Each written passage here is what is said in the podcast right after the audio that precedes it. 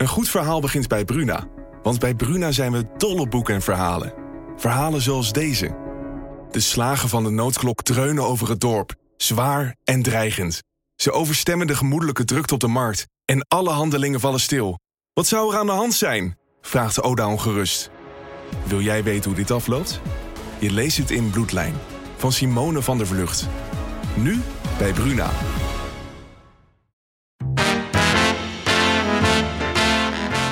Dit is Strik Privé, de dagelijkse showbiz-update met Evert Zandgoeds en Jordi Versteegde. Goedenavond allemaal. Ah. Ik dacht, ik ga niet vol schieten. Nou, dat is niet gelukt. Dank u wel, wat ontzettend lief. Het zal u uh, waarschijnlijk niet ontgaan zijn dat ik een, uh, een tijdje uit de relatie ben geweest. Maar dankzij de steun en lieve berichtjes van een heleboel van u thuis kan ik oprecht zeggen dat ik heel veel zin heb in dit gloednieuwe seizoen van Postcode Loterij Miljoenjacht. En zo is onze televisiekoningin weer geland. Ja, en door, zeg je dan. Ja. dan is ze terug en uh, op de plek waar ze hoort te zijn, de tv-studio. Ik geloof dat ze ooit van plan was om rechten te gaan studeren en advocaat of zo te worden. En uh, toen kwam toch die tv-wereld op, de, uh, op pad, heel gek. Ja, heel die raar. paste er als een handschoen. Ja. En ja, Linda is televisie en ik ben blij dat ze er weer is.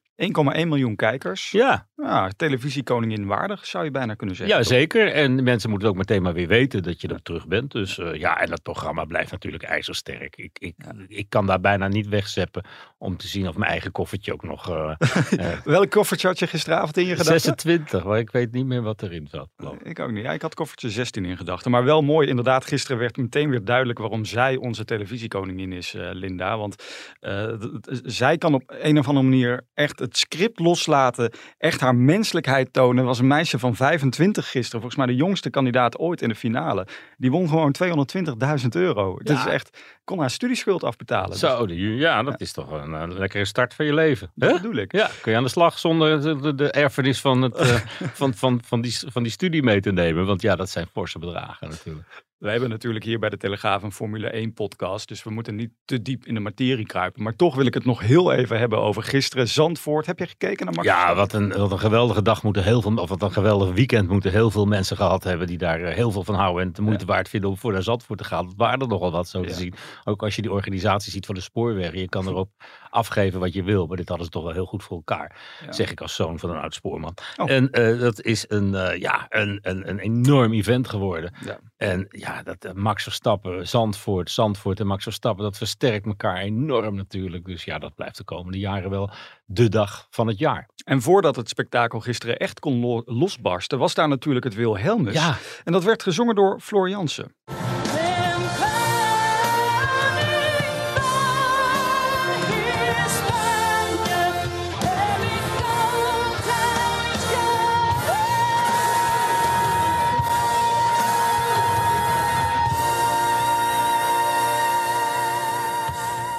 Nou, dat was tot in Scheveningen te horen. Uh, jeetje, mijn koptelefoon, ik, die staat iets ja, hard. Ja, fantastisch. In het begin dacht ik van, wat ben je aan het doen? Ja. En uh, later, uh, ja, het, was, het werd fantastisch. Ja, vond ik echt. Mogen we trots op zijn op Zeker. deze Floor Jansen. Ja. Internationaal bekend. En dat nou. geldt ook voor, ik las vandaag de krant, Jaap, Jaap van, van Zweden. Zweden. Ja, Jaap die sprak ik deze zomer in Zuid-Frankrijk, waar hij een prachtig huis gebouwd heeft. En waar hij voorlopig niet zal komen, want hij heeft net een contract getekend in Seoul. Hij gaat na zeven jaar straks weg in New York als chef-dirigent van de New York Philharmonic. Ja. En een heel prestigieus orkest in de wereld. En dat gaat hij nu worden, diezelfde functie, in Seoul. En dat uh, vertelde hij me gisteren. Dus ik vond dat opzienbarend nieuws. Want ja, het, het Verre Oosten staat niet echt bekend om zijn, om zijn orkesten. Zelf heeft hij Hongkong op de kaart gezet.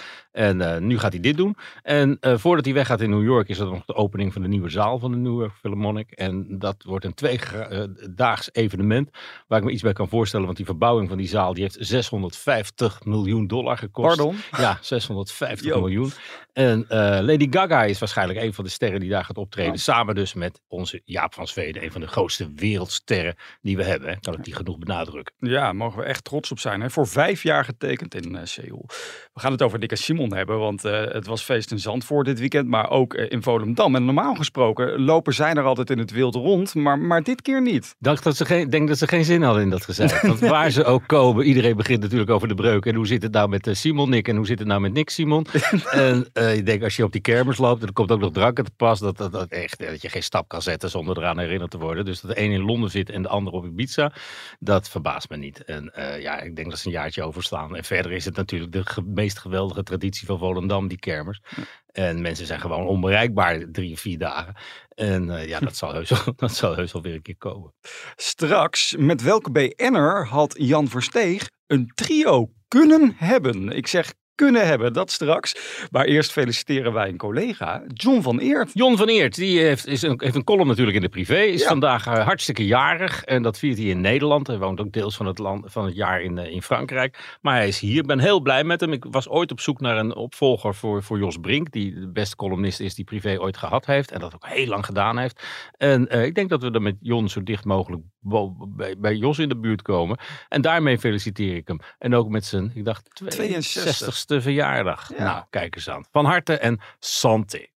Uh, wij maken een uh, podcast waarin we het een en ander onthullen. Maar ik zat afgelopen week naar de podcast van Jan Versteeg te luisteren. Nou, daar kunnen we een puntje aan zuigen. Eerst hè? even luisteren. Ik zit aan een tafeltje te eten met mijn vrouw Diewertje. Ja. Aan een ander tafeltje zat een zeer bekende Nederlandse vrouw. Met haar partner. En bij het dessert komen zij bij ons aan tafel zitten. En hij zegt dus, ja, dat is wel leuk Jan. Wij wilden jou net vragen voor een trio. En wat denk je? Heb je ineens een relatie met haar? Ja, het komt niet meer, hè? Nou, dus wij zeiden, nou, een beetje maar overheen kletsen daar, ja. Wij betalen de rekening, zij ook. En toen zei hij, dus haar partner, dag tegen mijn vrouw. Hij zoent haar op de mond, fluistert iets in haar oor. En toen had hij dus gezegd, hey, de bal ligt bij jullie, hè? Ja, en nu is dus de vraag om wie, welke BN'er gaat dit? Nou ja, Wilfred Gené, die schijnt het te weten. En die houdt bij hoog en bij laag vol dat het uh, om Katja Schuurman uh, en haar, denk toenmalige vriend uh, gaat. En ja, de, Jan die zegt wel A, maar zegt geen B. En, en zo lang moeten we daar toch nog even op wachten dat iemand inderdaad zijn vinger opsteekt en zegt ik ben het. Maar ik kan me niet voorstellen dat Katja dat gaat doen. Dus als Wilfred niet met meer gegevens komt, dan moeten we het houden met het idee dat volgens Wilfred Gené Katja Schuurman is. Ja. En dat zou me ook niet helemaal uh.